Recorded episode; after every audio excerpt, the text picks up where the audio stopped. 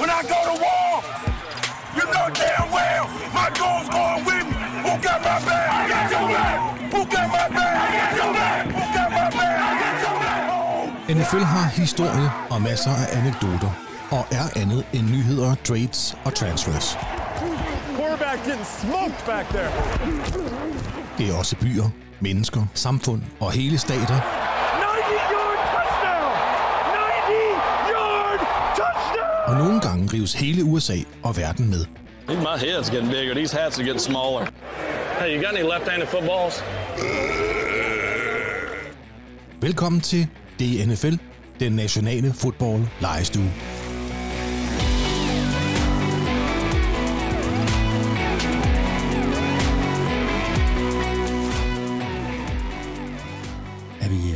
Ja, men skal jeg, jeg er lidt i tvivl om, at du, du er nødt til lige at prøve at sætte dig sådan. Du sidder sådan der. Okay. Jeg sidder sådan her. Godt, perfekt. et kosteskaft i ryggen, så du Ja. ikke... øh, Du skal spille med sådan et uh, Brian Cox bræt. Ja, den bare går hele vejen ned. ja. Strygebræt for ham. Var det, var det, en, var det en, en reel øhm, øh, stykke udstyr, man kunne få, eller var det et eller andet hjemmelavet, han Nej, havde? nej, det kunne man godt få. Han var ikke den eneste, der spillede med det, men uh, det blev aldrig et hit. Nej, Okay. Fordi det fjernede al bevægelighed jo. men du skal huske, der er også en vis del, der er coolness. Det er rigtigt. Det er rigtigt. Det, det vil jeg give dig. Det er du ret i. Svedbåndet, for eksempel. Ja. På Svedbånd. tennis. Jeg ved, jeg ved ikke, virker svedbånd? Jeg ved det ikke. Er vi klar? Yes. Kære lyttere, velkommen til den nationale fodboldlejestue. Velkommen til sæsonens 19. episode, og velkommen til 2023. Dine værter er som altid Ulrik Jørgensen, podcastens lydnazist og sundhedsfaglige stemme. Anders Skovgren har vi også med os, manden med det store hoved og den store viden. Mit navn, det er Andreas Hoksted. Jeg skal sammen med Anders og Ulrik føre jer lyttere trygt igennem endnu en forrygende podcast om vores yndlingspassion, NFL. Vi er som altid godt understøttet af tekniker og alt muligt mand, Ronny Larsen. Ronny, han er jo, øh, kan vi godt kalde ham, lejestuens fixer. Og øh, uden tvivl, jeg er af at sige det, den vigtigste af os alle sammen. Det er rigtigt. Lad mig gøre det ganske klart. Ingen Ronny, ingen podcast, ingen arm, ingen småkager. Så enkelt er det. Og med de ord vil jeg sige øh, hej til jer. Hej Ulrik. Hej, og velkommen til alle lytterne. Oh, og hej Anders. Hej med jer. Det er længe siden, vi har været sammen. Ja, det er helt, det er helt tilbage til sidste år. Okay, det er... Ja, Brumtsch. morfar-joke der, hva'? Ja. Anders, øh, det er ligesom, at din øh, humor bliver bedre med alderen. Den modnes øh, godt. ja, det er rigtigt. Kæft, mand. Det er længe siden. Altså sidst havde vi jo øh, 50th anniversary, og der gik det jo lystigt for sig ude hos Ronny, men øh, vi er jo tilbage i øh, det rigtige studie, øh, i Ulriks studie, og øh, klar til noget playoffs måske? Ja, det, er, det skal vi jo være. Det skal vi jo være. Det er jo lige om lidt. Er du også klar, Ulrik? Ja, helt klart, selvfølgelig. Jeg glæder mig. Du ser ikke klar ud. Nå, hvad mener du med det? Jeg har jo spillet, vi har spillet amerikansk fodbold med dig. Ja. Der virker du mere fokuseret i en kamp lige nu. Jeg synes, du sidder derovre og skruer på dine knapper. Og Det er jo en del af mit fokus. Det er jo hele tiden at optimere lyden. Det det. og sørge for, at det er i orden. ja, dig og Ronny. Dem, Ronny, ja. det, Jeg sidder og peger Ronny over skulderen. Ronny, den der, skru på den, Ronny. Ja, I to, I er øh, fantastiske. Nå, øh, ja, øh, ah, lad os starte ud med øh, en af mine favoritspillere, vi kan tale lidt om, som jo siger øh, tak for den gang. J.J. Watt, øh, han kom ud med her for, øh, hvad er det, lige ved juletid, og sagde, at øh, nu vil han lave noget andet. Anders, hvor, øh, hvad er ordene omkring J.J. Watt? Hvordan øh, vil du opsummere hans karriere? Jamen, han har jo været en af de absolut bedste defensive fodboldspillere de sidste, de sidste 10 år, øh, hvor han har været i, øh, i NFL. Først for, for Houston, hvor han jo især de, de første år i Houston var, var skadesfri, og var, var virkelig, virkelig dygtig. Altså, og jo tre, er det tre gange, han bliver defensive MVP i ligaen på de første 4-5 år af hans karriere. Så har han været lidt pladet af skader øh, frem og tilbage, og så har han haft de sidste to år her i Arizona, hvor han jo har haft, faktisk haft et rigtig godt år Ja, han har spillet okay i dem, år. og spillet for dem i år. Han har spillet defensive end det meste af tiden, spillet noget defensive tackle, det har han måske især gjort her for Arizona. Øhm, og var jo på, i årene i Houston, hvor han var på toppen, var han jo ustoppelig. Altså dem, der øh, har fulgt, altså Aaron, hvad hedder han, øhm, Aaron Donald nu, ikke? som jo er den, den store defensive linjestjerne, det var han jo for, for 5-10 år siden. Altså, Ved du hvad? J.J. Watt er bedre end Aaron Donald. Jamen, det var faktisk en af de ting, jeg vil... Øh, det, det vil jeg også mene, han er. Men, men jeg var faktisk det, han at sige, er, er, han den, er han den bedste forsvarsspiller? Ja. Vi, Altså om den Vi bedste forsvarsspiller. Åh, den var... øh, Altså, vi, så er vi oppe og snakke sådan en... Ah, var bedre end LT i Ja, sin storhedstid, der er en, Ja, måske. Ved du hvad, jeg vil godt gå så langt og sige, øh, han er i hvert fald med i den samtale. Og øh, om ikke andet vil jeg kalde ham den bedste defensive lineman i NFL's historie. Bedre end Reggie White, bedre end Bruce Smith, fordi han, øh, han mestrede jo så mange ting. Øh, han kunne pass rush, han kunne spille løbet, han kunne jo også spille offense. Ja. Det skal vi huske. Ja. Og så har han jo bare var han en big play maskine jo. Ja, altså, han Ud af havde- 3-4, skal vi huske. Ja, og havde jo over 20 sacks det ene år. Ja. Øh, det, der er lidt interessant med ham, er jo, at han jo ikke altid har været en stjerne. Da han gik, øh, var færdig i high school, der var han det, der hedder en two-star player. Man har sådan et, en ranking af high school-spillere fra 1 til 5 stjerner, hvor 5 stjerner er dem, der er de største talenter. Og fik ikke ret mange, øh, fik ikke ret mange bud på, hvor han, øh, hvor han skulle hen. Ender i øh, Central Michigan, hvor han spiller tight end.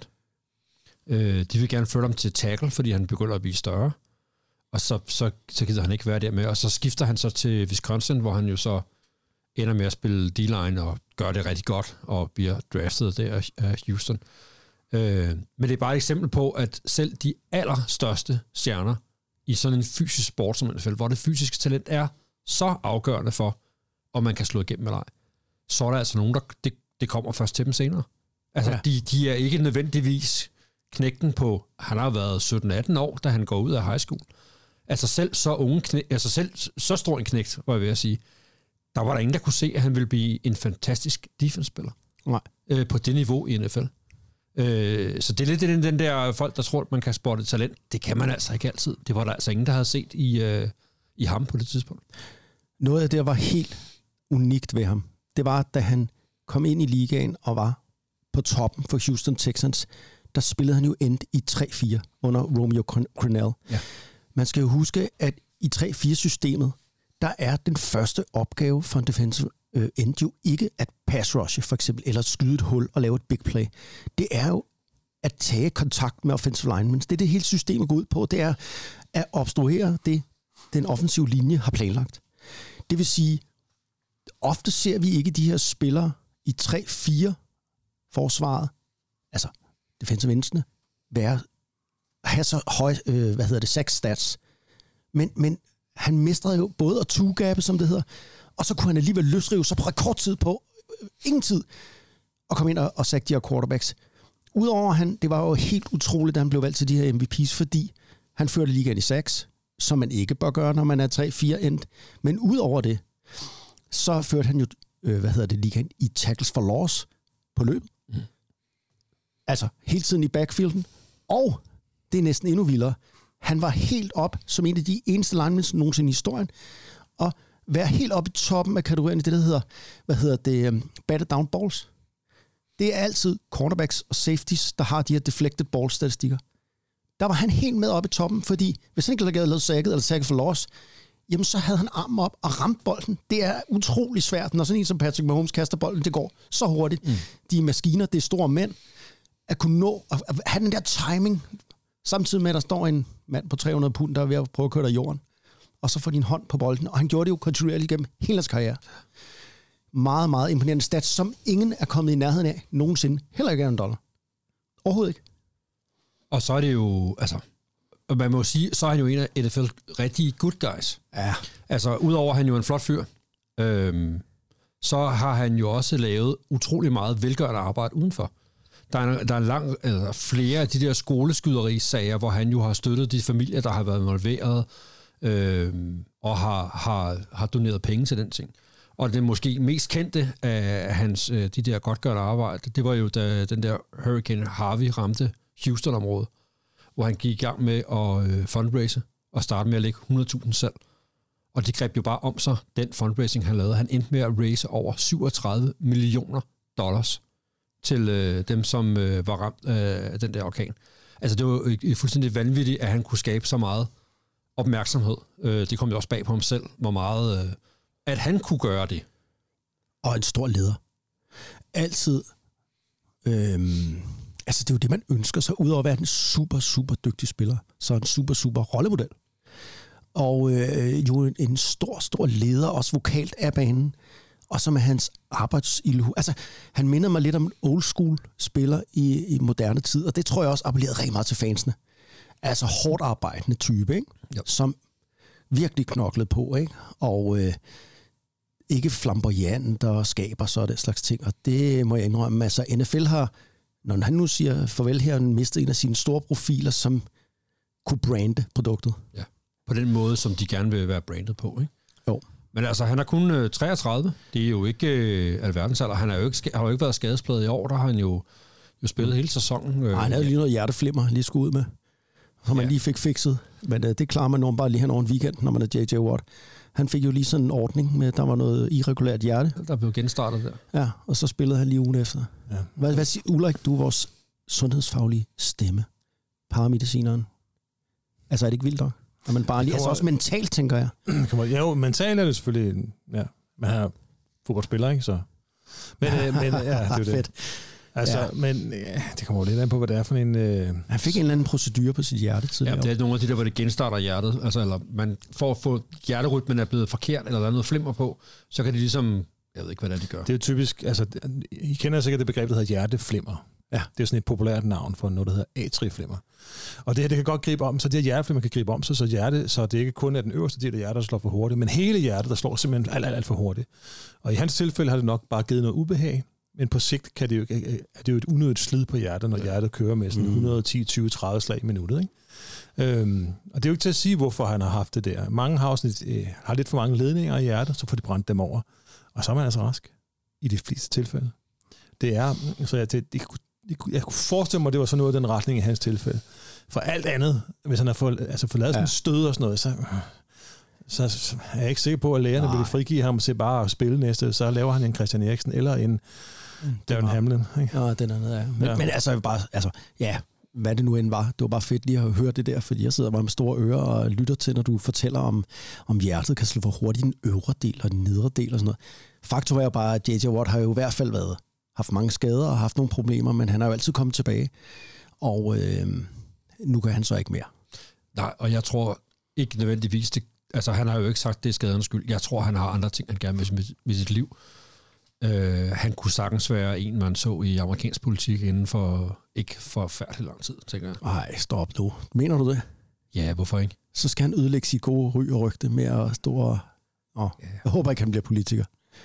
Måske er jeg bare skadet Herschel Walker. Det kan også være, at han bare gerne vil lave ja. fundraising. Det er der også, det er der også bestemt nu. Altså jeg tænker jo lidt på, øh, på J.J. Watt som sådan en lidt freak of nature, ikke?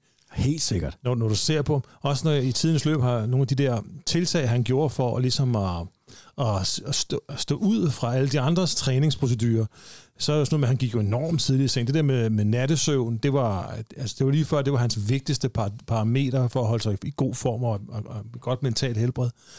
Og derudover så spiste han jo øh, altså helt strikt efter en helt særlig diæt. Øhm, og når man kiggede på ham, så så det altså nogle gange ud som om, men det kan jeg så næsten forstå, at det var han ikke i college. Men det så ud som om, der er nogen, der har taget hans arme og ben af, købt nogle større arme og ben og sat dem på.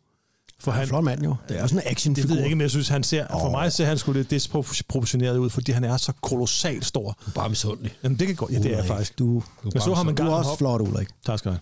Jeg så ham en gang hoppe to meter straight op i luften. Op på en... han stod flad fod. To meter oppe stod der sådan, nogle, øh, sådan en, han kunne hoppe op på. Det Ja, gjorde det er rigtigt. Han er excelleret i de han der boxjumps sindssyg. der. Ja, det, var, det må Om man det sige. helt var to meter, det er jeg altså ikke sikker på. Det er altså virkelig højt. Jeg siger to meter. Og- Oh, så Jeg ved det ikke. Men det var i hvert fald meget højt. Det føltes som to Ja. meter. Øh, jamen, det jo noget med, at... Øh, jeg ved det ikke. Jeg kan ikke helt huske præcis, øh, hvor Jamen, han var jo en træningspsykopat, og alt det der crossfit-agtige, noget med at bære sten og skubbe på mærkelige ting og hoppe over. Altså, øh, ikke den traditionelle vægtløfter-type jo. Ved I, hvornår han gik i seng? Om Nej. Nej. Men det ved du. Nej, det ved du, kan vi høre. Klokken 8. Ja. Men Og så stod der- han op klokken 5 om morgenen, og så gik han i gang. Ja. Det er klart, så kunne du ikke sove med. Så sove ni timer på fanden. Jeg, kan du sove med i ni timer? Han havde jo, altså rygterne er jo, at J.J. Watt havde jo studeret sin døgnrytme og fundet ud af, at han var et menneske, der var for at, fungere optimalt. Seng klokken 8, op klokken 5, 9 timer søvn. Det var perfekt for ham. Ja. Men det, man kan godt høre, at han ved det, ikke? Jo, for Så det betyder noget, ikke? Og du nævnte lige øh, Hamlin. Skal vi lige, skal vi lige øh, Ja, altså, alle det er kender det jo nu, men lad os da lige vente. Kan du lige øh, sådan hurtigt, Anders, sige, hvad, hvad, hvad, du vil sige? Øh, nej, jeg tænkte bare, at vi, det ville bare være mærkeligt, at vi slet ikke talte om det. Øh, Ja. Så tænkte jeg bare, at vi lige skulle berøre det. Altså, det var jo øh, amerikanernes øh, Christian Eriksen, var jeg ved at sige. Ikke? Altså, Jo. en spiller, som øh, i, i, ikke i en kollisionssituation, men falder om på banen og har et hjertestop. Ah, det var så en kollisionssituation, men ja. skidt, skidt med det. Han bliver Spørgsmålet er- omkring hjertet jo af Ja, ja, T. Higgins, men ikke, al- ikke mere folk, vi ser det Det er, jo tusind ikke, gange. det er jo ikke ved hittet, han bliver liggende. Han Nej, rejser det- sig op, det ved jeg han godt. tager to skridt, og så sejner han op. Ja, ikke? der går der tre sekunder, så falder han om. Ja, ja. Altså, så... Øh, men, men jo vildt, hvordan amerikanerne også kan Altså, Ja. de, hvor meget folk bliver samlet. Men må jeg det. lige, øh, nu har vi jo tit sammenlignet, eller hævet FIFA, UEFA og almindelig fodbold ind øh, i vores podcast her. Det vil jeg altså lige gøre igen. Da Christian Eriksen faldt om, der tvang man de spillere til at spille videre. NFL gjorde bare det helt rigtige. Ved du hvad? Det her, det er jo underholdning. Det er jo sport. Det er jo ligegyldigt, når folk er ved at dø. Og så skal man jo også tænke på noget andet. De her atleter, man har det ligesom, de skal kunne spille gennem alt. De skal kunne... Prøv, det er jo mennesker. De er jo ikke robotter. De skal jo ikke spille, når de ser deres ven og kammerat ligger ved at dø foran sig. Så skal de da ikke gå ud og lave en leg med en øh, oppuslig svineblære. Det skal de da ikke. Og ved du hvad, det fede var bare, at de to trænere der mødtes på øh, midten af banen. Og det første, han siger, Buffalo Bills træner, det er, da Cincinnati Bengals træner spørger ham, hvad så? Hvad gør vi herfra? Så siger han, der er kun én ting, jeg vil, og det er, at jeg vil på hospitalet og sidde ved siden af hans side. Mm. Fordi det er det, en rigtig leder gør. Det er det, en rigtig træner gør. Det er en leder af mænd. Alt andet er ligegyldigt. Mm. Jeg kan næsten mærke mine horn på rejse sig på min arm af det. Hvor var det smukt, hvor var det rigtigt, og hvor var det godt lavet. Øh, I stedet for at spille videre. Hvad, hvad fanden regner de med? Ja, jeg er helt enig. Jeg er helt enig. Øhm, ja. Det sidste, jeg har hørt til Darren Hamlin, øh, var jo, at han var vågen. Og øh, stadigvæk, øh, det kan godt være, der er sket udvikling siden da, men stadigvæk det, der hedder intuberet, altså han har et, øh, et, et, et, et, plastikrør nede i halsen, som han øh, trækker. Det er blevet pillet ud? Ja, okay. det er blevet pillet ud. Ja. Okay, men på, allerede på det tidspunkt, øh, og det var ret kort efter, han, øh, øh, efter det skete, så var han jo i stand til at kommunikere, og var i store træk ved sin fulde fem. Ja. Øhm, Ja, Om han nogensinde kommer til at spille igen, han, det ved man så Han ikke. starter med, at da han, det første, han siger, er til lægerne, vandt vi kampen? Og hvad er det så, lærerne siger? Ja, you won the game of life. ja, det er rigtigt. Åh, oh, Det er så hvor er det amerikansk, det der. Det er sådan, det skal være. Ja. Nå, Nå, ved du hvad? Øhm, nu skal vi... Øhm, ah, og vi ønsker gang. selvfølgelig alt det bedste. Og, håber, Ja, det, det er selvfølgelig klart. Altså, og, øh, og nej, jeg tror ikke, han kommer til at spille igen. nej, det tror jeg nok heller ikke. Hvorfor nu skulle han vi ikke gøre det? Ja, Christian Eriksen spiller. Det kommer lidt an på, hvorfor han har fået det her hjertestop. Plus det jo også har noget med at gøre med de der forskellige forsikringsregler, der er i de Ja, forskellige men det er jo det. det, er jo det. Altså, det var jo derfor, han blev øh, Christian Eriksen heller ikke kunne spille i Italien. Ja. Det er jo fordi, der er jo nogle helt særlige forsikringsregler omkring professionel sport, hvor du ikke må have haft en hjerteoperation, så kan du ikke dyrke professionel sport, for så kan du ikke få forsikring.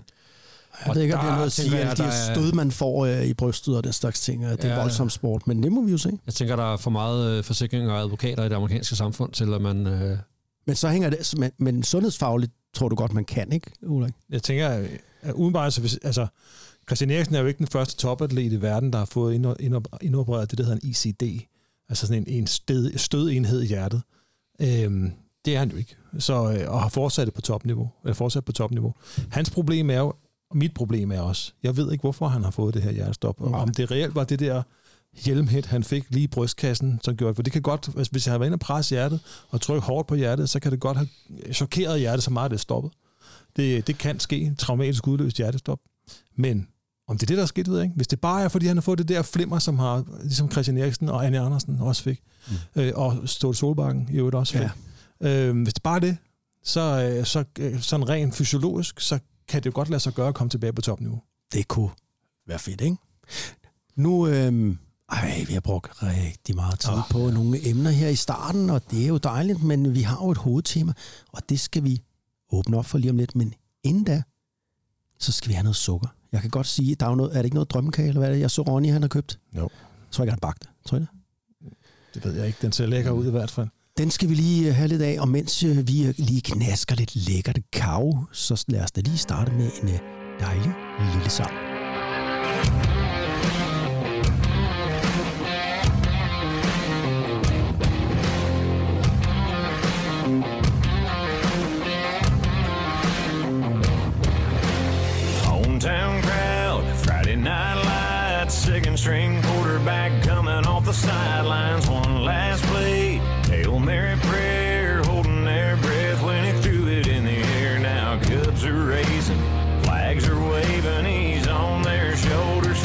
Here's one for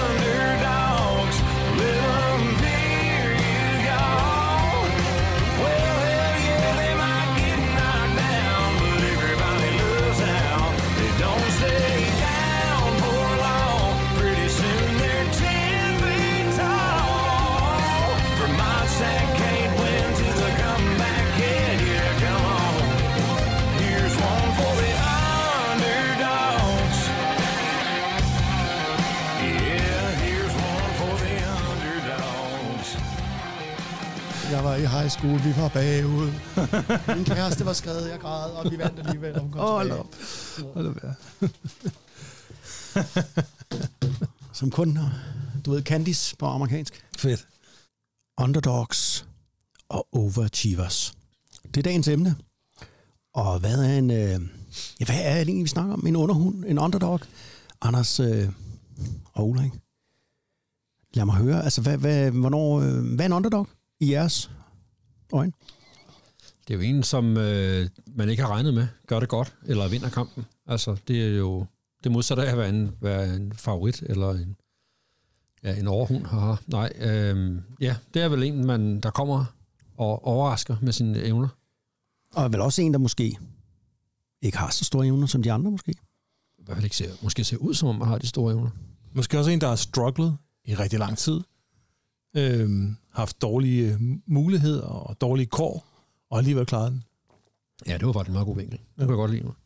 Og jeg tror også, at underdoggen elsker mange fans jo, fordi man kan identificere sig med underdoggen. Altså, øh, det er en sympatisk historie, når en eller anden, man ikke har regnet med, lige pludselig kommer ud on top. NFL's historie er jo fyldt med dem. Selvfølgelig. Alle kan jo ikke blive draftet nummer et og øh, være født med de bedste øh, øh, evner overhovedet, men det er jo, nu skal vi dykke lidt ned i det, og vi har jo gjort det, at vi, øh, vi ved jo ikke, hvem, øh, hvem vi ligesom øh, hiver frem på brættet her. Vi har, vi har snakket om at tage et par spillere, som vi synes er underdogs, øh, som, og vi vil fortælle lidt om, og øh, ah, hvem vil starte? Altså, jeg kan godt starte. Ja, I skal øh, skov og hænder der. Nå, ja. Det er fordi, vi er sådan, så flinke. Det er det. Ydmyge mennesker, Øhm. som vi jo er. Jamen, den første af dem, jeg er faldet over, det er, det er Kurt Warner. Ja, Den ligger lige til højre benet. Øhm, der, udover der er lavet en film om ham, som øh, hvis meget godt portrætterer hans, øh, hans vej mod øh, til LA Rams. Som Hvad- jo hedder Ja, hvad er det, den hedder? Filmen? Det kan jeg ikke huske. American Underdog. Åh oh, ja. Jamen, så den kan ikke bum, være bum. mere. Bum.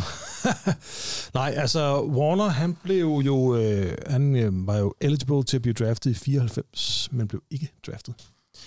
Øhm, så blev han un, som undrafted free agent, blev han jo øh, signet af Green Bay, Green Bay men blev cuttet inden sæsonen overhovedet kom i gang.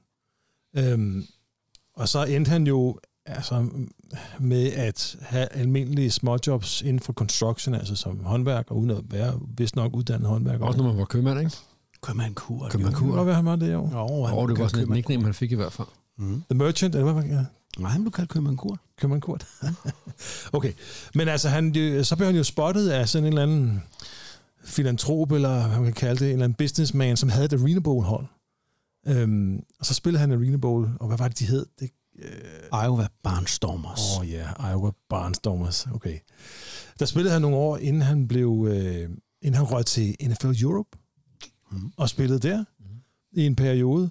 Og så var det ham, øhm, For hvem? Amsterdam Admirals. Amsterdam Apple. Hold kæft, det er godt, du har også Ulrik. Vi er skarpe der, Anders. vi fylder bare alle hullerne. Det er skide godt. Det er skide godt. Øhm, og der var han jo noget tid, øhm, inden at en, hvad kan man sige, nok lidt kontroversiel træner i, i Rams, Dick. Dick Vermeil, Dick. Dick Vermeil, øhm, han ligesom tænkte, han spottede, var det, det var ham, der spottede ham og, og tilbød ham en, en, en, en tryout hos Rams. Ja, altså, der var jo ingen, der... Altså, historien er jo om Kurt Warner, og jeg er rigtig glad for, at du tager ham frem, fordi han er jo nok den største af alle. Altså, han er Hall of Fame-spiller jo. Han er, Det er altså, det. altså, kom jo i Super Bowl med Rams, og kom i Super Bowl med Cardinals. Men, men det, jeg vil sige, det var, da han var i Green Bay, Mm. der kom han ind øh, i 94 der, og kom ind og fik nogle snaps. Der sagde de, at han var så nervøs, så han hverken kunne tale, og han rystede på hænderne. Han var simpelthen så nervøs, så han, kunne- de, kunne, de kunne ikke evaluere ham. Han kunne simpelthen ikke spille, fordi han kunne ikke, ja, han kunne bare ikke være i det. Og øhm, det endte jo så med, at det var jo det, var det der med de der lykketræf nogle gange også. Det var jo ikke meningen, han skulle spille for Rams. Det var jo Trent Green, der var starting quarterback. Og Kurt Warner var fuldstændig ukendt. Ingen kendte ham. Ingen havde hørt om manden. Og, Og, så det var gjorde det. Dick Vermeil i virkeligheden heller ikke. Nej, Dick Vermeil havde været ude at sige, at jeg ikke... Det var ikke, fordi jeg spottede ham, og jeg har et specielt talent. Okay. Det var rent held. Ja, og, og han siger jo på den der pressekonference, Ja. hvor øh, Trent Green har været skadet, og nu er det så Købmann Kurt, der skal tage den herfra. Der sidder han jo og siger, og med jo tårer i øjnene, for det var jo, han var jo en rørt mand jo. Ja, nu er Trent Green gået videre, og vi tror på Kurt Warner, fordi vi er sikre på, at han nok skal tage over og køre os til Promised Land, og at han kan gøre det rigtig godt og sådan noget. Og han så, som Andreas siger, indrømmet bagefter, han anede ikke, hvad han kunne, fordi Nej. så meget havde de ikke set til ham. Altså, det var jo i, i training camp, ikke? Jo, altså Trent Green, han blev jo ramt af et meget, meget lavt uh, hit af uh, den her frygtede safety Rodney Harrison, der smadrede hans knæ i den sidste preseason-kamp. Og så skulle Kurt Warner ind. Ingen vidste, hvem han var, og vi skal huske, Rams var jo pivringe. De gik 13-3 året før. Og så kom Kurt Warner ind, og så gik han bare amok. Altså, det er aldrig set siden. Han gik fuldstændig amok. Altså, for at forestille dig sådan et øh, hold, ingen havde, de kunne ikke score nogen point året før, og de var dårligere. Og så kom han bare ind, og så gik han bare amok. Greatest show on turf. Det er den, ja, og det- på det tidspunkt er det mest scorende offensive sæson nogensinde. Ja. Ja, det Altså, er han den vil- vildeste underdog-historie. Det, det, altså, han øh, om nogen jo, øh, kan man sige, havde chancen, kunne ikke på, noget- altså, slet ikke leve op til det potentiale, han, øh, men han troede på det. Han troede på det hele vejen igennem, og han tog det, han kunne få, fordi han ville det her. Øh, han havde ikke nogen øh, øh, forventninger om, at, øh, at øh, det bare skulle gå godt fra første færd. Han var villig til at kæmpe for sagen, og det gjorde han ved Gud. Altså, Altså også det der med på at tænke på, hvor mange gange han har kunnet give op og sagt, åh, det er præcis. men øh, nu er der lavet en spilfilm om ham. Ja, og han er jo kommentator for en af de store amerikanske Fedt. tv-stationer i dag, så man kan jo høre hans sprøde røst. Og så vil jeg også bare lige sige noget helt... Altså, jeg ved ikke, om I er øh, helt øh, lokalt for den legestuen her. Vi fik jo lige tilsendt et billede inde på vores øh, Facebook-side af en af vores lyttere, John, ja. som jo lige havde mødt øh, Kurt Warner på øh, et hotel på en gang, hvor de lige, lige fik Åh, et selfie det- med ham. ja. Så det ligger inde på vores... Øh, Ja. Jeg kommer lige til at poste det billede til den her historie her, når vi skal øh, have det frem på Ja, Facebook. det er godt gået. Det var sådan, hey, fedt nok, ikke? Super fedt, mand. Ja. Mm. Og likeable også. Øhm, er der mere til Kurt? Det var Kurt Warner. Skal vi kaste den over til dig? Tage en? Jeg, tager en, øh, jeg har taget en aktiv spiller. Ja. Hunter Renfro. Ja. Øh, Min held. også kendt som Ferdinand Renfro, for det er jo ham, man kaster til på tredje down. Han er jo en, han er jo en lille mand, Han ser også spøjs ud. og han ligner jo en, der er revisor. Ja. Altså, han er, han er jo, ikke, han er jo par 20, øh, temmelig tynd i toppen, øh, ikke specielt øh, muskuløs eller særlig stor, og alligevel er han, øh, ja, en... Han ligner sådan en, der har hørt rigtig godt efter i gymnasiet. Og det var jo ikke sådan nogen, der var gode til sport for det meste. Nej, altså jeg synes, øh, det, det, det var også et meget godt billede på det. Fysik, øh. Øhm, og var jo, var jo altid klein, også da han øh, kom ud af high school jo. Øh, og, og, og vælger at tage til... Han har spillet for Clemson som et af de, de bedste skoler, hvor han jo var, så var walk-on på, og fik jo ikke spilletid. Fik taget nogle kilo på, så han vejede mere end de der 60 kilo, eller hvad der var meget, der ud af high school. og jo blev jo så en dygtig spiller, fordi han jo netop kan det her med at spille sig fri. Altså, Han han, er jo ikke super banen, hurtig. jo. Han er jo ikke super hurtig. Han er god. han er ikke særlig stor, han er Nej. ikke særlig stærk, han er ikke særlig noget som helst. Han er bare fri. Men en ting, han har, det er gode hænder. Han har gode hænder, og så, så kan har, han... han har et lavt tyngdepunkt. Ja. Ja. Det må man sige. Ja, fordi det, den ene ting, der er interessant, ved, altså det er jo det her med, at han forstår spillet og kan finde Ja. hullerne i zonerne og sætte sig op, og han er god til at skifte retning og sådan noget. Men hvad han ikke får af yards after the catch, altså det er han faktisk forbavsende god Det til. er virkelig god til. Altså, ja. øh, fordi det er sikkert også det der, øh, hvad hedder det, lave tyngdepunkt, ikke? Men han ligner jo på ingen måde en atlet. Men ved du hvad, Altså, han, han lyder- må have været faret af så mange gange, fordi ja. han har den fremtoning, som han har, ikke? Jeg tror også, der er lidt i det, du siger der. Altså, når man gameplaner, og når man kigger ud af sine øjne, altså perception, altså hvad ser, altså hvad, han ligner bare ikke en, øh, når man står der top øh, cornerback, øh, er vant til at møde, øh, hvad hedder de, Mike Evans og øh, alle de store receiver i ligaen, og så står han der. og så tænker jeg, så kan det godt være, at man, øh, altså, men man skal bringe sit A-spil, for ellers så kan man ikke dække ham der. Jeg tror, at nogen øh, sover lidt på ham, eller hvad man kan sige. Ja. Altså, øh, det kan være, at man Åh, det, det er Monte Adams, ham skal vi sætte to på, eller vi skal bruge tid på Jacobs. Hunter, skal vi være to på ham. Men det kan man jo godt blive nødt til, for han kan jo lave den stille død på en. Han kan jo sådan en mand, der kan gribe 13 øh, bolde på en kamp for 87 yards og to touchdowns, så er det bare sådan, hvor kommer han fra? Altså, han har ikke haft den mest prangende sæson i år. Nej. Men øh, bare den sidste kamp her øh, øh, i den, den, den nye Raiders ære, kan man kalde det det. Altså, der er i hvert fald sket noget på det hold her de sidste to kampe her. Og Renfro, han øh, er jo rimelig stabil. Han har ikke haft den bedste sæson. Men jeg synes, de par gange, han griber bolden her, der ser man det der lave tyngdepunkt der. Han simpelthen på en eller anden måde får vredet sig ud i et eller andet move. Ja, det gør han. Neden under taklingen, og alligevel får han en 4-5 yards, i hvert fald uventet yards, efter, efter han har grebet bolden. Ja, man har jo i den der 49 kamp, hvor han griber bolden ned på træerne og sådan noget, så, laver han, så stopper han bare, forsvarsspilleren løber forbi ham, og så løber han bagom og ind. Ikke? Altså, det, er, det, det, det her handler det måske mest om det der med, hvad er det, man forventer af en professionel ja. atlet, ikke mindst i NFL. Hvordan skal sådan en se ud? Ja. Ja. Og, og der snyder øjet bare, altså, fordi han kan noget, som man ikke kan ved... Og så er han jo øh, på ingen måde mister store armbevægelser. Han er ikke prangende i sin natur. Han, han scorede et touchdown i, øh, i weekendens kamp, eller torsdagens kamp. Nej, var det? Nej, det var sidste. Nå, det var sidste, undskyld, ja, sidste uge. ja. I sidste uge. Øh, Nej, det var i... Var det det? Det var i torsdag. Ja, nej. Var det, ja, Ja, det, det var lørdag. Var det, det var lørdag, ja. Det var, Det var en- lørdag. dobbelthætteren lørdag, ja, det er rigtigt. Det var lørdag. Det var Ja. lørdag. Der scorer han jo et touchdown. Og ja, ja, han er da glad.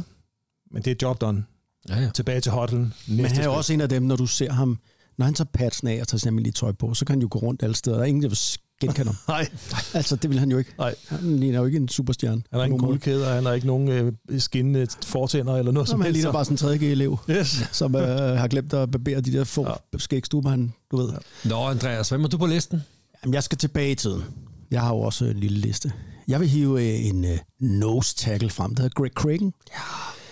Og øh, Greg Cragen, øh, ja, nogle af vores unge lyttere kender måske ikke Greg Cragen, men øh, det er en fejl. Jeg tror også, er nogle af vores ældre lyttere, der kender Greg. Jamen, det er stadig en fejl. Ja, ja. Fordi, øh, Altså, jeg aner ikke, hvem det er. Det, jamen, det, lige. det, det, og du er jo en af vores yngre lyttere. Ah, er du, Det er ja, det, er det, det er det. Ah, godt set, Andreas. Jamen, du ved godt, hvem Greg Cragen er lige om lidt. Okay. Fordi du har set kampe med Greg Cragen. Fordi Greg Cragen, det er da svært at sige. Greg? Greg Cragen, han var nose tackle øh, for Denver Broncos i 80'erne. Da de var i øh, Super Bowl øh, tre omgange med ham. som nose tackle. Og øh, ja, han spillede ni sæsoner i Danmark, og så efterfølgende spillede han et år i Kansas City, og så spillede han også tre sæsoner i Carolina Panthers, da de startede op 95-6, altså der var de expansion team, og øh, kom jo helt i championship game i 96, hvor han var starting nose tackle også, og stoppede så karrieren i 97. Og hvorfor har jeg taget Greg Cragen? Han har altid været en af mine favoritspillere. Altså, han er hvid, han har sådan et... Øh, og så er han lille. Og det er jo ikke altid smart at være lille, når man er nose tackle. Altså, der står man ligesom i midten af øh, alt det voldsomme. Greg Cragen, han har den her, som jeg synes er fedt med underdogs, det der med never quit. Altså, det, øh, det er i Danmark, der kom han øh, til som free agent i 1984. Og øh, de kiggede på ham, og så sagde de, du er sgu for dårlig. Eller, vi kan ikke, du, hej hej. Men alligevel, så havde de godt kunne se, at der er noget talent i ham, så de inviterede ham igen i 85 øh, til en tryout. Og der bad han sig så fast, og var jo så starter i ni år. Har du tallene på ham? Fordi han var jo ikke særlig stor. Nej, men altså, han vejede 121 kilo, altså 267 pund. Og det er meget, meget lille af en nose tackle. Ja, jeg ved godt, 121 kilo, det lyder men, men det er ekstremt lille. Han, øh, det, der var så interessant med ham, det var, at Denver prøvede konstant at skifte ham ud. Han vandt starterjobbet, og så gik de jo ret hurtigt i Super Bowl mod Giants, og der fik de tæv. Og så kom der sådan en forklaring om, at øh, der tabte de de scorede mange point Giants, og Giants var fysiske. Det var NFC Østholdene dengang. Og de havde også den der lille nose tackle i Danmark. Så, så i pressen og rundt omkring, om det skal skiftes ud. Og det blev, sådan, at de næste ni år, der bragte Denver i enten første eller anden runde en nose tackle ind, som alle gange var større og større talent, fordi han var jo, on, altså, han var jo, han blev jo ikke engang draftet, og hver år slår han med. Og han øh, har selv nævnt, at øh, jamen, prøv her, jeg var aldrig sikker på, altså jeg måtte kæmpe hver eneste sekund for at overbevise om, at jeg var den bedste spiller. Og den der frygt for at blive kottet hele tiden, har nok gjort ham til den øh, gode spiller, han var. Hele tiden holdt ham on edge. Hver år draftede de en spiller i første eller anden runde, eller hæv en ind i en trade, der var første eller anden runde valg, for at slå ham af. Der var større end ham. Og så det der med, at man ikke kender ham, ja, der er jo, der er jo kendt klip, man kender ham fra. Ja. Altså, når man har de der Super Bowl-klip, der er jo typisk sådan nogle... Øh, hvad hedder det? øh, Den der John Taylor-klipper fra Joe Montana i endzone og sådan nogle. De der berømte klip, der kører den der. Der er jo en klip fra den der, øh, hvor de tager stort, stort til 49ers. Ja. Hvor der er en... Øh, 89. ja, hvor der er en 49ers linjemand, der sparker til en, der ligger ned. Ja. Det er Greg han sparker til. Fordi han ligger og roder rundt nede på jorden, og har sikkert været røv irriterende, og sagt grimme ting om ham der mor, og nævede ham, og hvad han ellers skulle komme til. Så han har tabt øh, sin kugle sammen der for den anden spilleren, som ender med at lost til ham. Det er sådan et klip, der tit går igen, så hvis man øh, lægger mærke til det klip, når det kommer, så er det øh, Greg Cragen, der ligger dernede og bliver losset til. Og det var nemlig, altså, det er nemlig rigtigt, det er ham. Og, men jeg kan bare huske, at han altid har sprunget i øjnene på mig, fordi han var altid på alle fire. Han levede på alle fire. Altså, det er sådan en, øh, sådan er det jo i amerikansk fodbold. Det er jo leverage, altså det er jo noget med tyngdepunkt sådan noget, når du er den mindste. Han er ligesom sådan en, han, han, han bevægede sig bedst på alle fire, altid på alle fire, og altid lavede mange store spil. Blev valgt til, øh, øh, hvad hedder sådan noget, First All Pro to gange, var i Pro Bowl. Scorede nogle touchdowns, lavede nogle sacks, men, men øh, han spillede også i sluten- slutningen af hans karriere i 90'erne for Carolina Panthers, hvor vi aldrig har set offensive linemensene større. Det var jo der, hvor Dallas havde deres Nate Newton og Mark Tunney, og i det hele taget havde de aldrig varet mere end der. Og det var Greg Cragen altså ligeglad med. Uh, han spillede bare noget af sit allerbedste fodbold i Carolina Panthers. Og uh, han blev faktisk øh, i Danmark. Der øh, hans trænere, de sagde, um, he's like the smog. You can't get rid of him. Altså, øh, de prøvede, men øh, der er ikke noget at gøre. Altså, ligesom, øh, ja, han var smog øh, i byen der. Og øh, Carl Meckenberg, han kalder ham den, ja, sådan en stor stjerne for Danmarks forsvar, kalder, øh, hvad hedder han, Greg Cragen, mest underrated Bronco, han nogensinde har set. Mm. Og det, det var bare det der med, at han kunne selvfølgelig noget. God tekniker. Øh, altså, aldrig skadet. Han var aldrig skadet. Aldrig skadet. Selvom han var den mindste øh, defensive lineman, altså nose tackle i sin periode. Og så, øh, ja, så er der jo bare det der med, med nogens øh, vilje. Og han har jo selv udtalt, at grunden til, at han nok blev så god, det var, at han kunne aldrig slappe af. For han var alt, der var altid nogen, der blev bragt ind, som skulle slå ham af. Så han skulle altid arbejde. Og det der, han synes, der var allervigtigst, det var, han vidste, hans teknik hvis han skulle vinde slaget mod en på 300 pund, det var, at han blev bedre til at være en bedre tekniker. Og der fandt han ud af, at hvis du er et kæmpestort talent, med meget, meget store muskler, og meget, meget stor og stærk, så har du en tendens til at lige glemme lige lidt af din teknik. Og det gjorde han ikke. Han kunne ikke leve uden sin teknik. Og øh, det har vi jo set før, det der med, hvis du har en meget, meget god teknik, det var lidt som Hunter Renfro. Hunter Renfro. Øh, hvis du altid gør det rigtigt på banen, Man ser det jo faktisk også samtidig med nogle af de der meget, altså meget fysisk talentfulde spillere, der kommer ind i det, som jo har været vant til i college og high school selvfølgelig også, og kunne bare vinde på råstyrke eller på hurtighed. Ja, så møder man nogen, der er lige så store og stærke som en selv, og så er det jo bare ikke nok. Så skal man have teknik for at kunne øh, excellere. Ikke? Det var Greg Cragen, og jeg kan garantere for, at der er nogle fede klip med ham også. Skal vi... Øh... Ej, skal vi ikke lige have noget kaffe? Har I kaffe eller hvad? Ja, bestemt. Der er mere Altså, må sige... Øh... Hvis, altså, Ronny skulle have været kommet for et par timer siden og tændt for varmen her. Ja, det er ligesom om, at... Øh... Ja, er der det? Ja, ja, jeg sidder også over ved siden af pejsen, så... Ja, det er det, ikke? Jo. Nå, ja. Men man sidder sgu lidt. Er ikke lidt helt koldt? Nej, det, det, hvordan har du fået den gode plads? Ja, jeg kom sidst ind, men det er vel fordi, jeg plejer her. Ja, okay. Du, øh, Du har ellers taget sådan et, øh, hvad er det der, et videre FC halserklæde på, eller hvad der var på? det er Tottenham Hotspurs øh, halserklæde, jeg på her. Okay. Det, skal jo ikke, øh, det fortæller bare lidt om, at der er ikke... Altså, du sidder jo ikke i shorts og korte ærmer, Nej, nej. ung mand. Nej, nej, Du nej. sidder i dit fine øh, jakkesæt, jo. Jeg undrer mig bare over det der halsklød der. Nå, Der er lidt Bill Belichick over min påklædning, og der er lidt Dan Reeves over din påklædning Ja. af Tom Landry. Men øh, nå, det kom vi ud på et tidsspor. Ulring, Ja. øh, en underdog til os. Jeg har en anden underdog, der også har lavet en film om. Nå, hvad? Ja, sådan en filmtema, du har lavet? det, ja, det var faktisk mere det tilfælde noget andet. Vince Papale fra Eagles.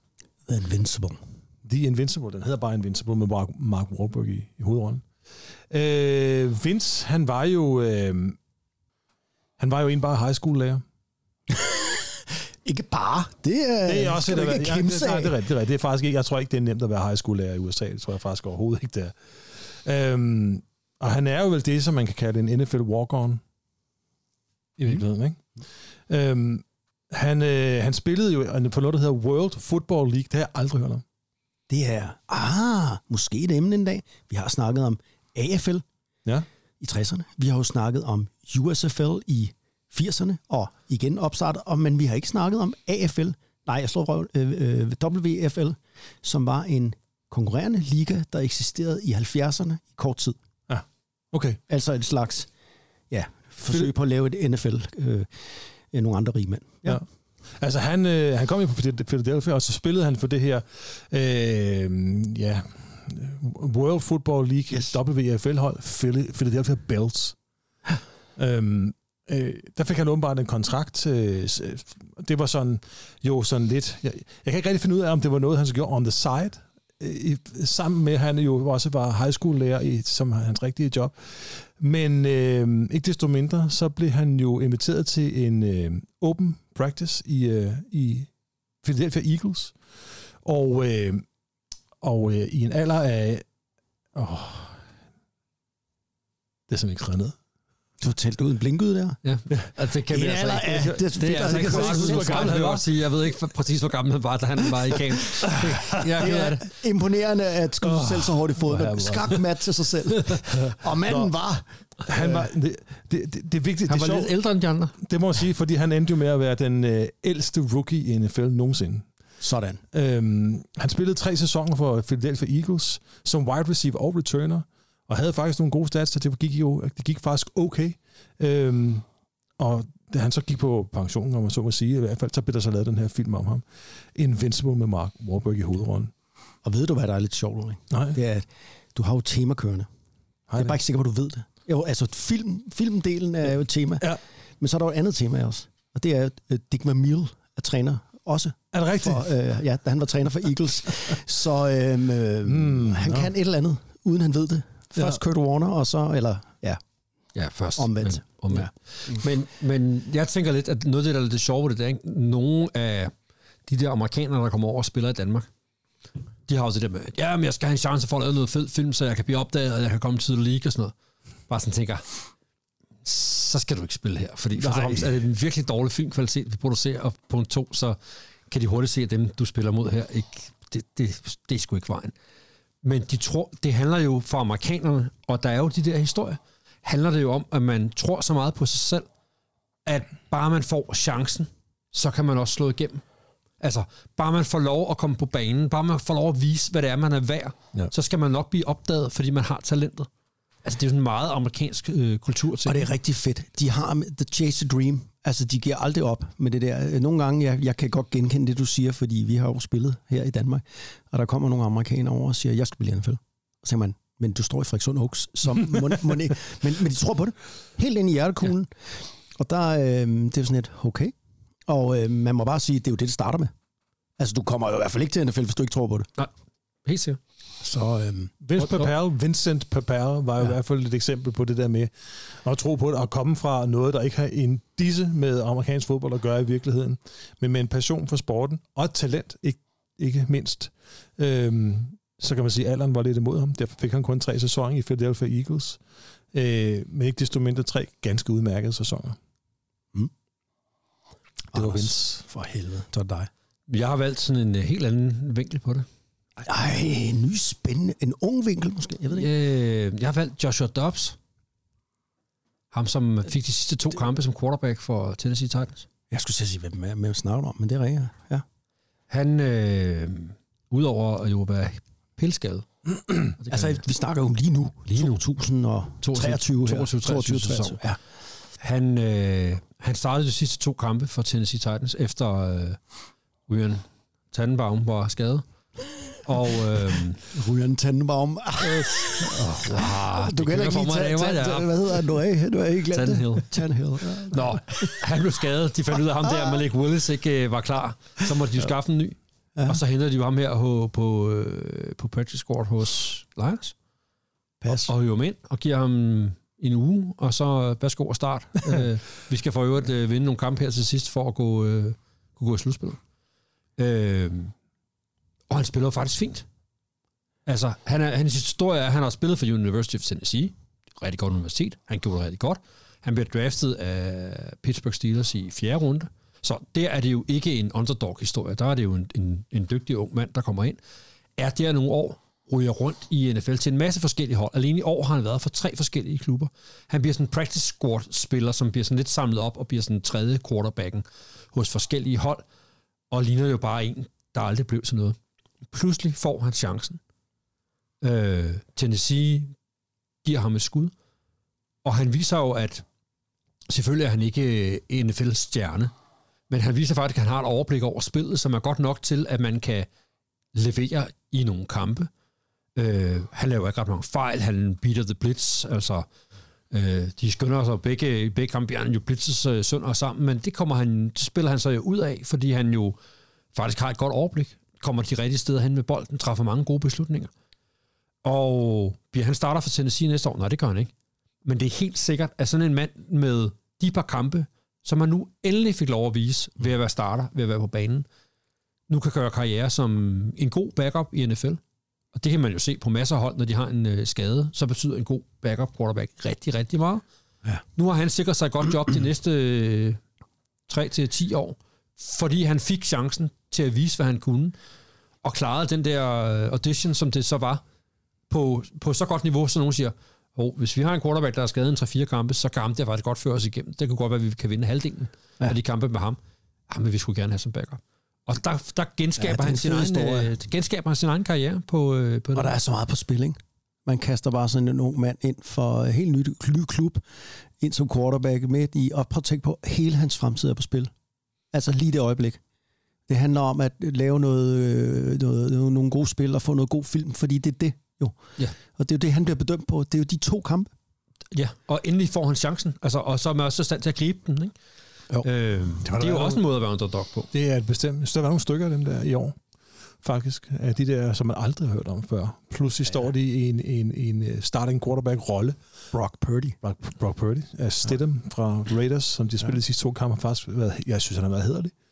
Mm. Og også lidt mere end hederlig, faktisk. Der har været nogle stykker af dem der, ikke? Jo, Purdy er den helt store historie, hvad ja, det angår, ja, ja, så mister irrelevant. Ja, ja. Og det er jo i hvert fald en underdog. Men jeg ved ikke, om den er på nogen af jeres liste. Den er ikke på min. Han er ikke på min. Han er heller ikke med. Nej, men... Øh, Kom Det du det. med en, Andreas? Jamen, Jeg har jo i hvert fald en helt ægte, vaskeægte underdog-historie, som der formentlig også kan laves en film om. Og det er også en spiller, der spiller nu. Altså, det er La Foga Jordan Mailata. Også kendt som Jordan Mailata. Starting offensive tackle for øh, NFL's måske bedste hold i øjeblikket. Jeg, ved- det ved vi ikke. Det er min bedste record. Philadelphia Eagles. Hans historie er ganske enkel. Fantastisk. Han er en kæmpe mand. Han er 2 meter 3 høj og vejer, hold fast, 166 kilo.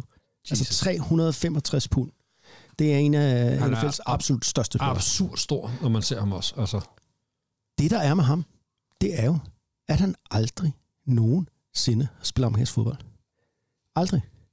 Han er fra Australien. Han er, hvad hedder sådan en Samoan af, hvad hedder øh, herkomst. Og han øh, har spillet rugby. Og det har han øh, spillet for Canterbury Bankstown, øh, Bankstown Bulldogs, som er et professionelt rugbyhold øh, i Australien, som spiller i øh, ja, det, der hedder øh, National Rugby League.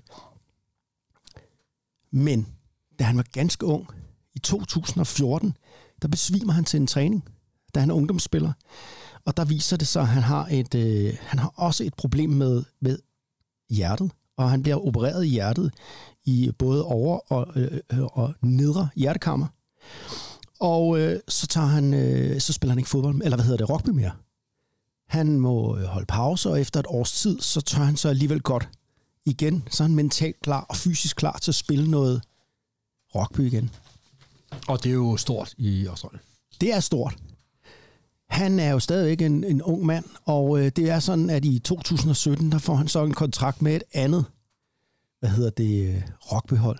Øh, men han når aldrig rigtig at spille for dem, fordi de siger til ham, øh, altså de tror ikke på, at hans krop øh, kan holde til den måde rugby er.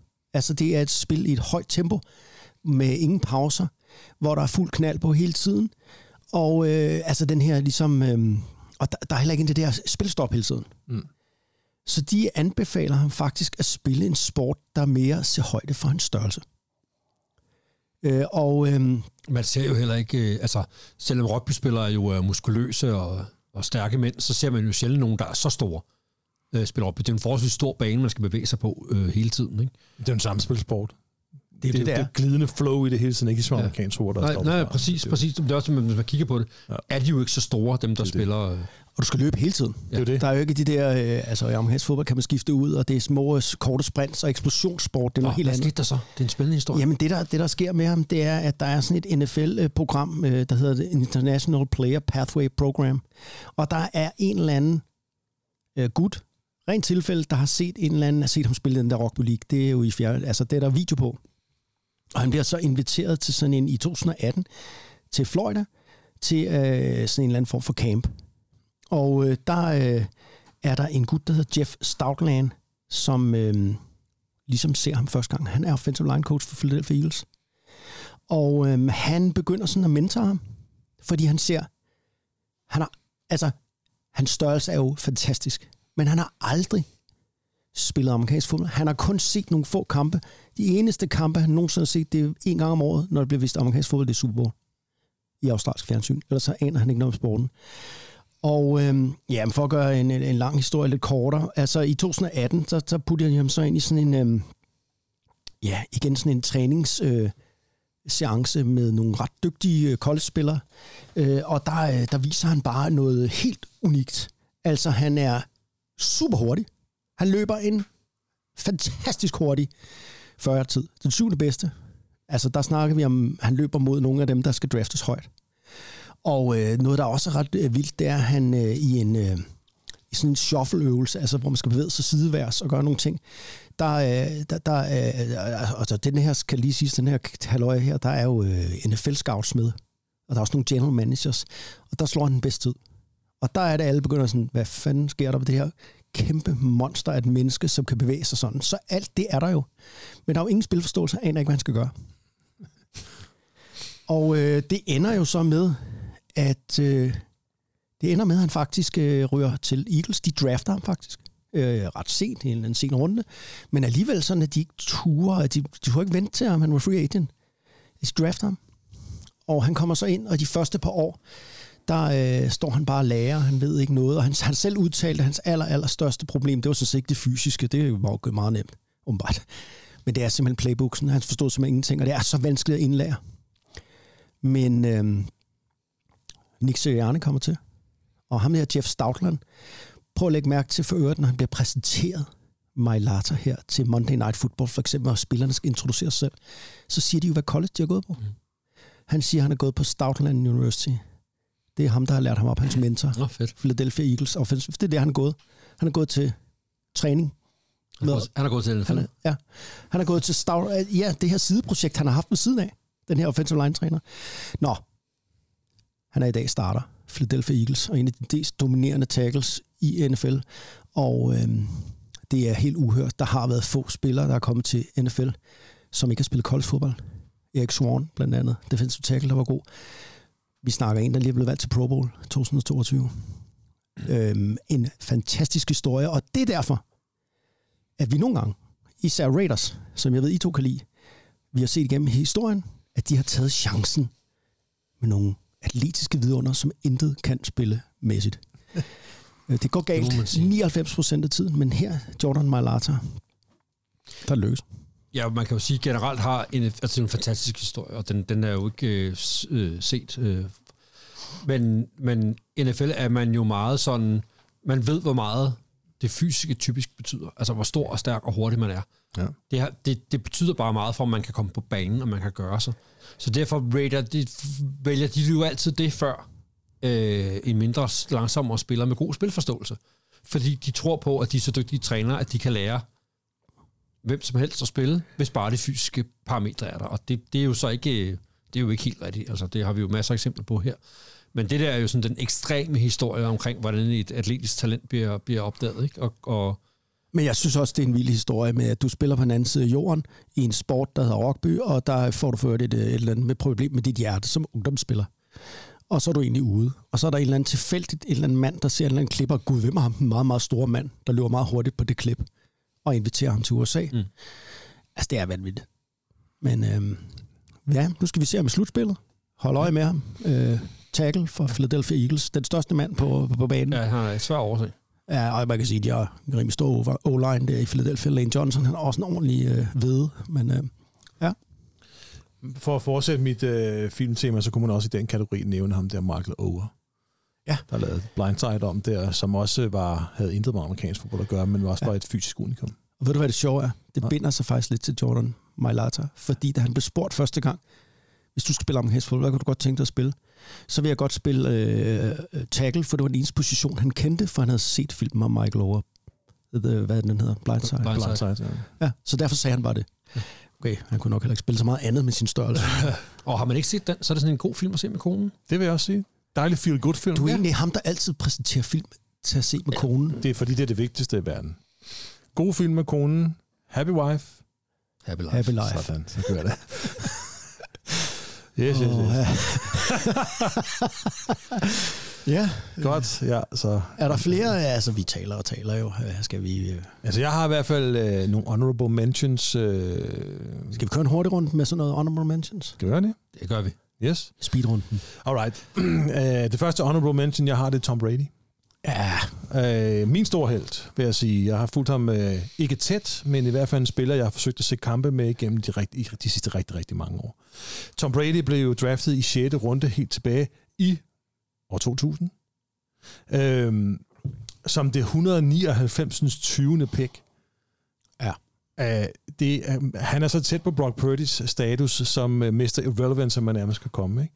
Jo. Han blev valgt ind som en fourth string øhm, quarterback for New England Patriots, og sad jo øh, tre pladser bag Drew Bledsoe i en lang periode. Indtil Bledsoe blev, in, blev skadet i 01. Mm. Er det noget vrøvl, det jeg siger? nej, Nej, nej. Nå. Vi skal nok stoppe det. Okay, godt. er du dummer dig? Jeg øhm, og er om mig, og jeg ved ikke, hvordan han kunne komme fra fourth string, altså fjerde quarterback, helt op til at blive øh, Drew Bledsoes afløser. Men øh, i 2001, har han, der kommer han ind i stedet for Drew Bledsoe i sin første sæson og tager dem til Super Bowl. Ja, og the rest is history. Og hvis det sidste, han er nu greatest of all time. Ja. Har haft en ikke specielt god sæson, men bokser i, i slutspillet. Spillet. Altså, ved du hvad? Jeg, jeg er ikke den store Brady-fan, men jeg må jo bare sige, det er den bedste amerikanske fodboldspiller, der nogensinde har været. I hvert fald den bedste quarterback, og det er den vigtigste plads. Jeg har altid haft det stramt med ham. Det er jeg også. Jeg synes altid, han var røv irriterende. Synes jeg også. Og, og jeg har det faktisk sådan, nu, nu går rygtet på, at når Derek Carr ikke skal spille Raiders mere, så er det ham, der er topkandidaten til det, ikke? Ah, det kunne være fedt. Ja. Undskyld, at jeg kan se på dig. Du synes ikke, det kunne være fedt. Jeg synes, det kunne være mega det fedt. kunne være fedt. How about Josh McDaniels? Uh, ej, jeg synes Seriøst, så er det lige før det sorte tøj rører på bålet. Jeg kan ikke, jeg kan ikke være i det. Nej. Altså, det er manden, der ikke tror på solcreme. Du ikke være i det. Altså, Hvad for noget? manden, der ikke tror på solcreme, det, det, det Ja, går det er ikke. Han er simpelthen... Anders, vi har alle sammen lidt. øh, Jeg synes, han er for gammel nu. Altså, det må jeg nok sige. Altså, jeg, jeg, jeg ser nok hellere Stidham Jeg tror, han holder op. Du. i den der. Det, kan, det tror jeg også. Men han er den... Og, øh, nu kom der lidt hate. det gjorde Der er jeg nogen, var- det blev hans bare- resultater, det er jo fantastisk. Det er kan det, det kan jo ikke komme udenom. Og han... Øh, ja, alle kender jo billedet af ham, da han blev draftet, hvor han bare ligner sådan en, En en lille truck boy. En boy. oh, ja. Nå, Anders, et honorable mention. Speedrunden her, du. Det er speed Jeg har taget et hold.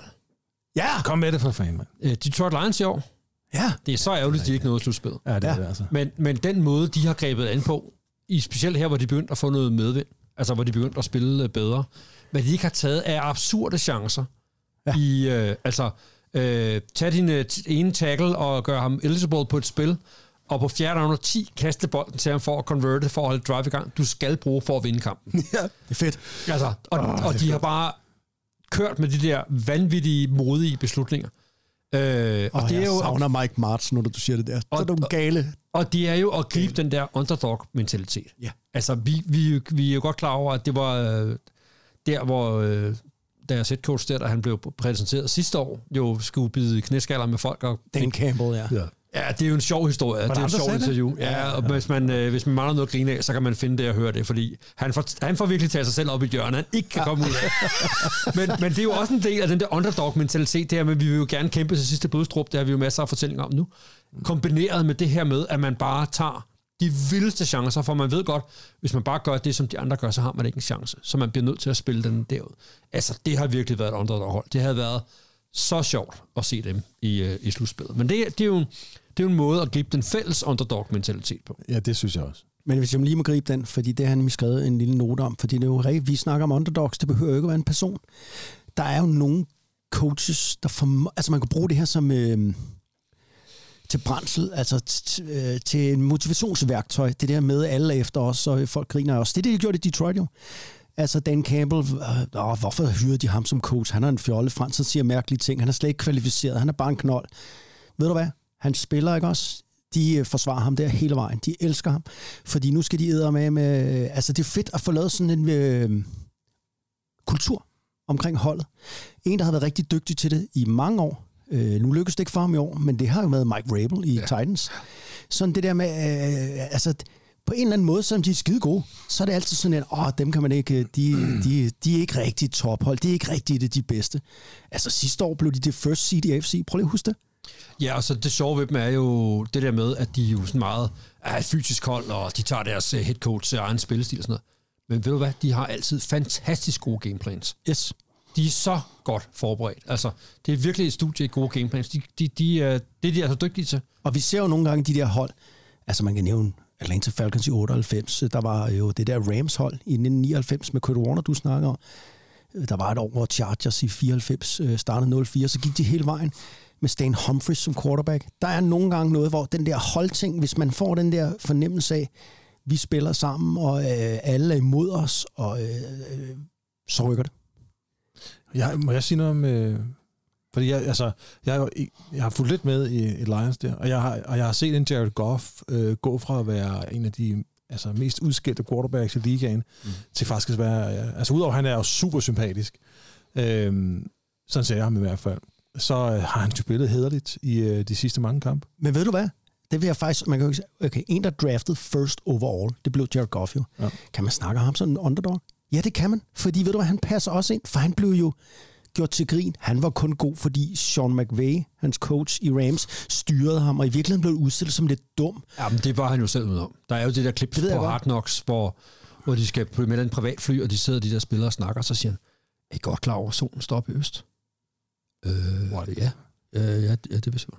Ej, vidste de godt det? Ja. Shit, man. Ej, altså, fordi jeg lige snakket med ham der, som har fortalt mig det. Det var der ikke klar over. Nej. Og de, Og de, og de andre sidder bare de der spillere, som ham. alle så bare kigger sådan, wow.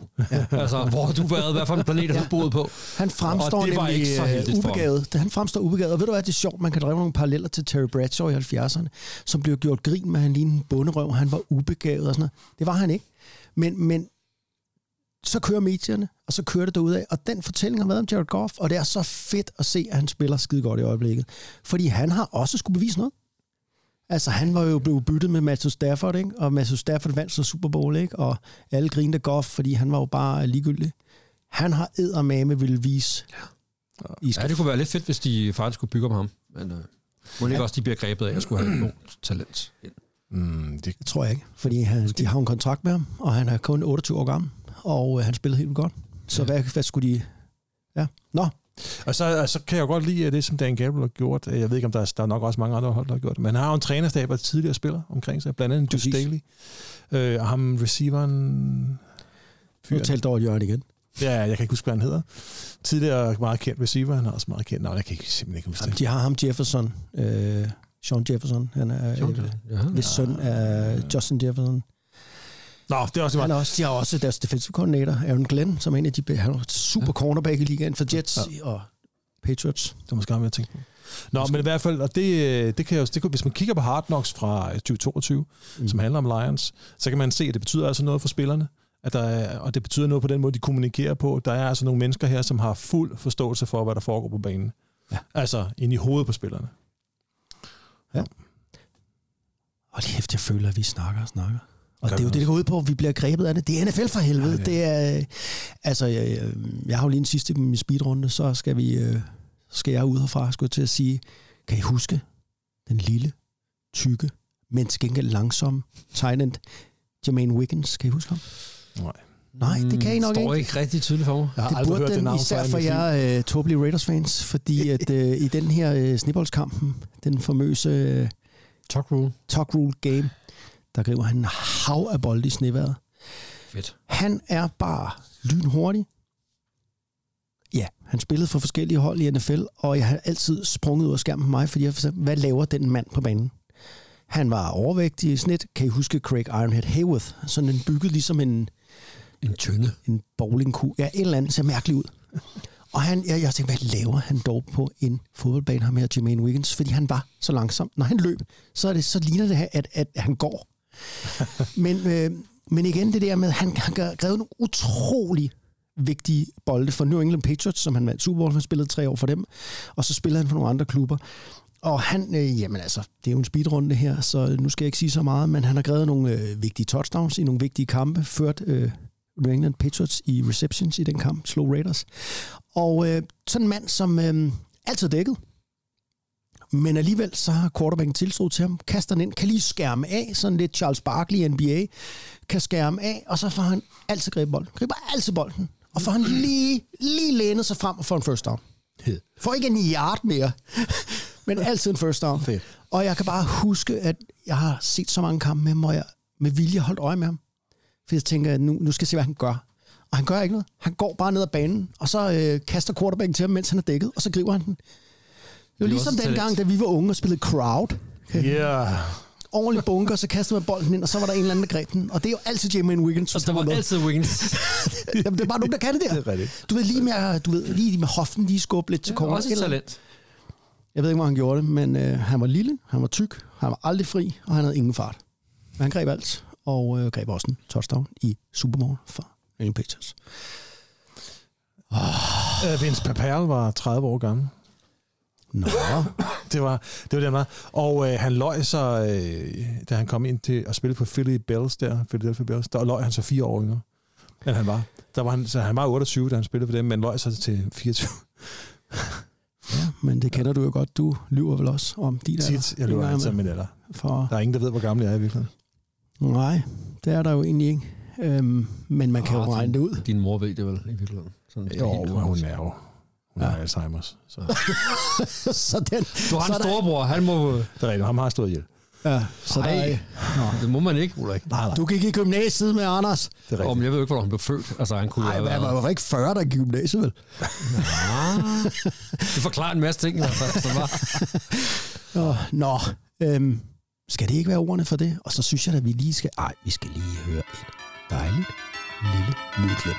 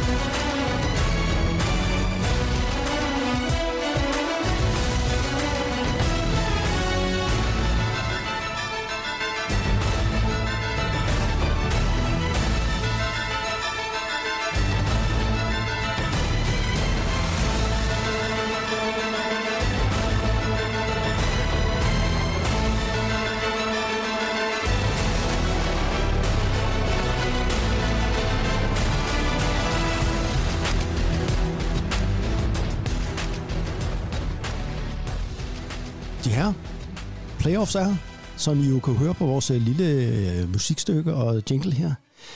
Og nu kommer der sådan en speedrunde igen. Det er meget øh, speedrunde mm. i dag, har jeg fundet ud af. Ja, det går meget hurtigt. Nu skal I høre. Nu skal vi være skarpe. Er du skarp, Ulrik? Jeg er skarp. Ja, altså. Ja, ja. Altså inden for din skarpheds... Øh, Formåen, Ja, formåen, ja. Nu skal der jo være playoffs lige om lidt. Øh, og øh, jeg skal bare høre jeres bud.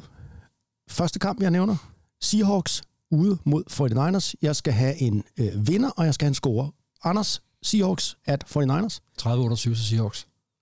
Til Seahawks? Det bliver ugens overraskelse. Alle kommer til at dømme dem ud. Wow! Wow! Hvad siger du, Ulrik? Jeg siger for det nice, de kører den hjem. 32-16, værsgo. Jeg De er har, on a roll, de har momentum. Ja, men det er også, hvad det bliver en kæmpe overraskelse. der er jo altid en overraskelse et sted derude. Altså, jeg har øh, skrevet ned her på min lille notesblok øh, 49ers, men 32-31 i drama. Uh. Så, øh, nå, næste. Los Angeles Chargers skal til den anden side af landet, til Jacksonville Jaguars. Hvad siger du, Ulrik? Ja, den tager Chargers, men det bliver en tæt kamp. 28-24. Ja, Anders? 2017 til Jaguars. Så du tror på Jaguars? Yes. I er da heller ikke enige om noget som helst, de to. Jeg tror, at øh, det bliver Chargers, og jeg tror, de vinder 34-27. Så, øh, så skal vi øh, have Miami Dolphins op i det kolde nord, op til Buffalo Bills. 35-7 til Bills. Ja, Den er jeg med på. 35-7 til Bills. Ingen tvivl om det. ja. ja jeg har skrevet 30-17 Åh, oh, de kører dem midt over med. Bills. Ja, Miami skulle sgu ikke have været med i det slutspil. Nej, det er sgu ærgerligt. Øv. Det havde sjovt, hvis Pittsburgh Steelers Ja, det havde kommet det. med. det, havde det. Men sådan er det jo. Så kommer der en spændende en her, synes jeg. Jeg synes, det er måske den mest spændende i runden. New York Giants ude mod Minnesota Vikings. Vikings, der var det igen. Vi- Vikings. Ja. For helvede, mand. Giants mod Vikings. Jeg tror på Vikings. Ja, men hvor meget? Jeg tror, det, det bliver en tæt kamp. Jeg har lyst til at sige... Øh, jeg har lyst til at sige... Øh, Første intuitionen. 30-24. Ja. Relativt tæt kamp. Ja, ikke specielt, men okay. og en er- score, en score, score, det er jo relativt tæt. Alt er relativt, men... Ja. Jeg tror, at Giants giver payback. 27-24 til Giants. Jeg tror også på Giants. Jeg tror, at det punkterer under Kirk Cousins, som det jo skal og altid gør. De havde, prøv at høre her, vandt de 12 eller 13 kampe, jeg kan ikke huske det, de vandt mange kampe. Ja. De har minus målscore. Ja, hver, Det er minus hver de målscore. tabte, så fik de jo stryg. De har minus målscore, minus 6 i målscore.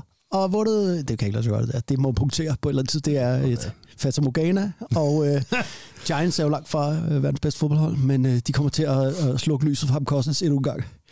Så har du også noget at snakke om hele offseason, Anders. Jeg fik, så, så, så fik jeg ret. Der er to kampe øh, tilbage her Ja, for Super Wildcard-runden.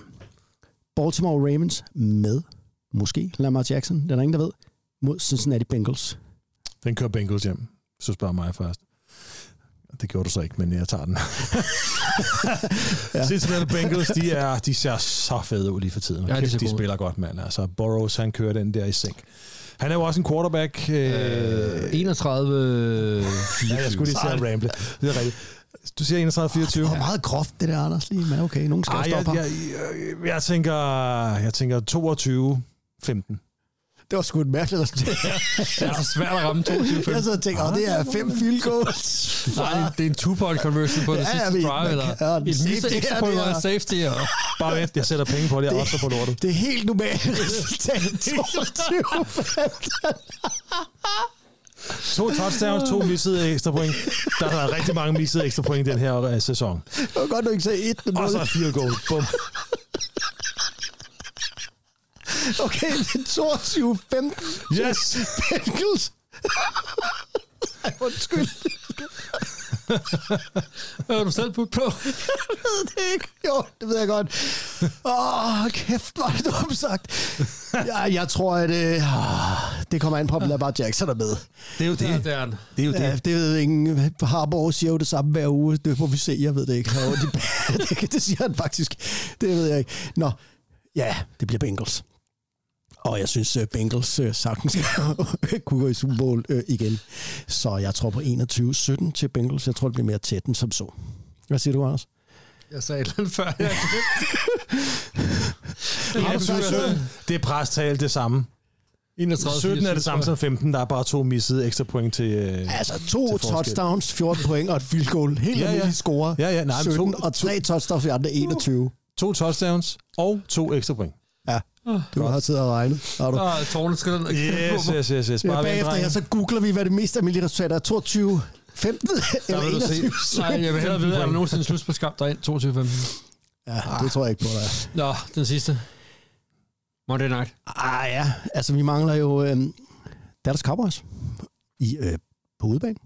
Fed kamp for, synes jeg, til Tampa Bay Buccaneers. Hvor øh, Tom Brady's haltende Buccaneers med alle de her veteraner, som jo er superstjerner, men veteraner har set trætte ud, tager imod et Dallas Cowboys hold, som ikke har været for gode her på det sidste. Hvem mener den? Box vinder 22-15. Du siger Box. Øh, Ej, jeg, jeg, ej, jeg synes fandme, den er svær, den der. ja, det er meget muligt, men Ja, det er ja, ikke ja, nogen, der har ja. sagt, det skulle være nemt. Anders, De, de skal altså spille lige meget, vi synes, det er og så. Øh, jeg kan godt følge dig, Ulrik, men jeg, jeg, øh, jeg tror faktisk, at, jeg tror faktisk på Cowboys. Selvom jeg ikke... Øh, ja, altså, men øh, hvad bliver den? Hvad bliver den? Hvad bliver den? Den bliver 28-21. Jeg ser uh, Tom Brady uh, som en uh, gammel haltende pensionist, der er ved at være halvdement. Han får et klart øjeblik. Selvfølgelig, som altid gør i Et playoff. klart øjeblik, og så hiver han den der hjem på egen hånd. Ham og Mike Evans. Ja. Jeg er med dig, Anders.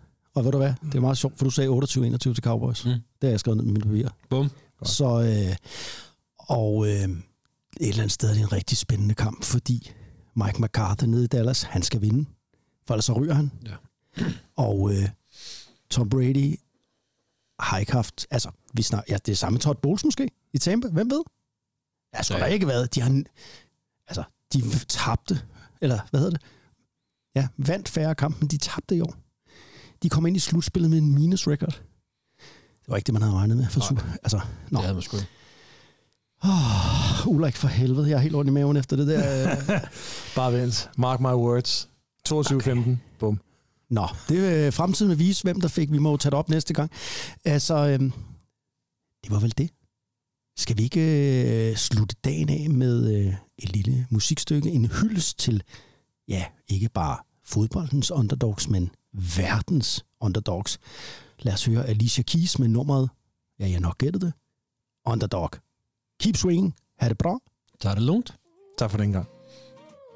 Det kan godt lade sig gøre. 22-15. Det kan godt lade sig gøre. Ja, selvfølgelig. Især efter, at man kan lave two-pointer. Og... Næste gang skal vi snakke lidt om cheftrænere, head coaches og den udvikling, deres job har gennemgået de mange år, NFL har eksisteret. Og vi skal også snakke om den gameplan, de laver til hver kamp, som er altafgørende for, om holdet vinder eller taber. Derudover så går vi også lidt dybere ned i, hvad headcoachen han gør, når han kalder spil ind på banen. Og herunder snakker vi om det, der hedder audibles.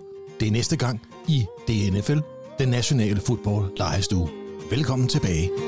She was walking in and she looked up and noticed he was nameless, he was homeless. She asked him his name and told him what hers was. He gave her a story about life with a glint in his eye and a corner of a smile. One conversation, a simple moment, the things that change us if we notice when we look up sometimes. They said oh, I would never make it, but I was built to break the mold. The only dream that I've been chasing is my own. So I sing a song for the hustlers trading at the bus stop. Single mothers waiting on a check to come. Young teachers, student doctors, sons on the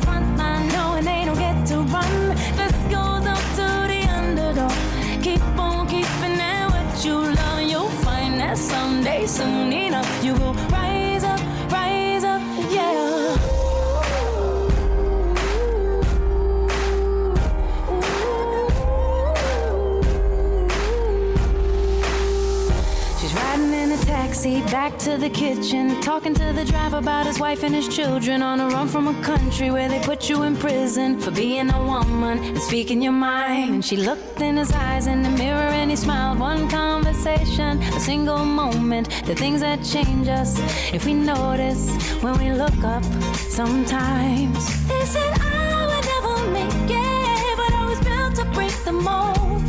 The only dream that I've been chasing is my own. So I sing a song for the hustlers trading at the bus stop. Single mothers